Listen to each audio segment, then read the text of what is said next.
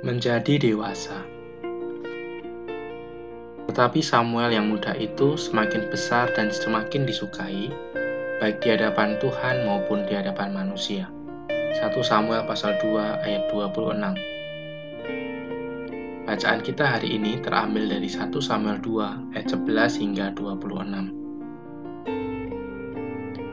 Seorang pelatih bisbol bernama Chili Davis pernah mengatakan Growing old is mandatory, growing up is optional.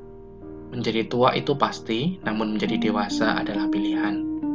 Artinya, seorang pasti akan menjadi tua, namun tidak semuanya menjadi dewasa.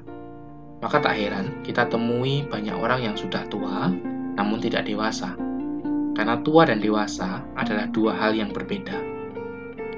Hofni dan Pinehas menunjukkan bahwa jumlah usia tidak menjamin tingkat kedewasaan seseorang – Kakak beradik ini justru menunjukkan ketidakdewasaan rohani dan karakter dengan berlaku dursila di hadapan Tuhan.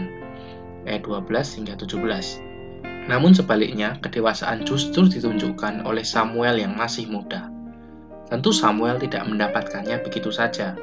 Ada proses yang harus ia lewati. Ia harus terpisah dengan kedua orang tuanya.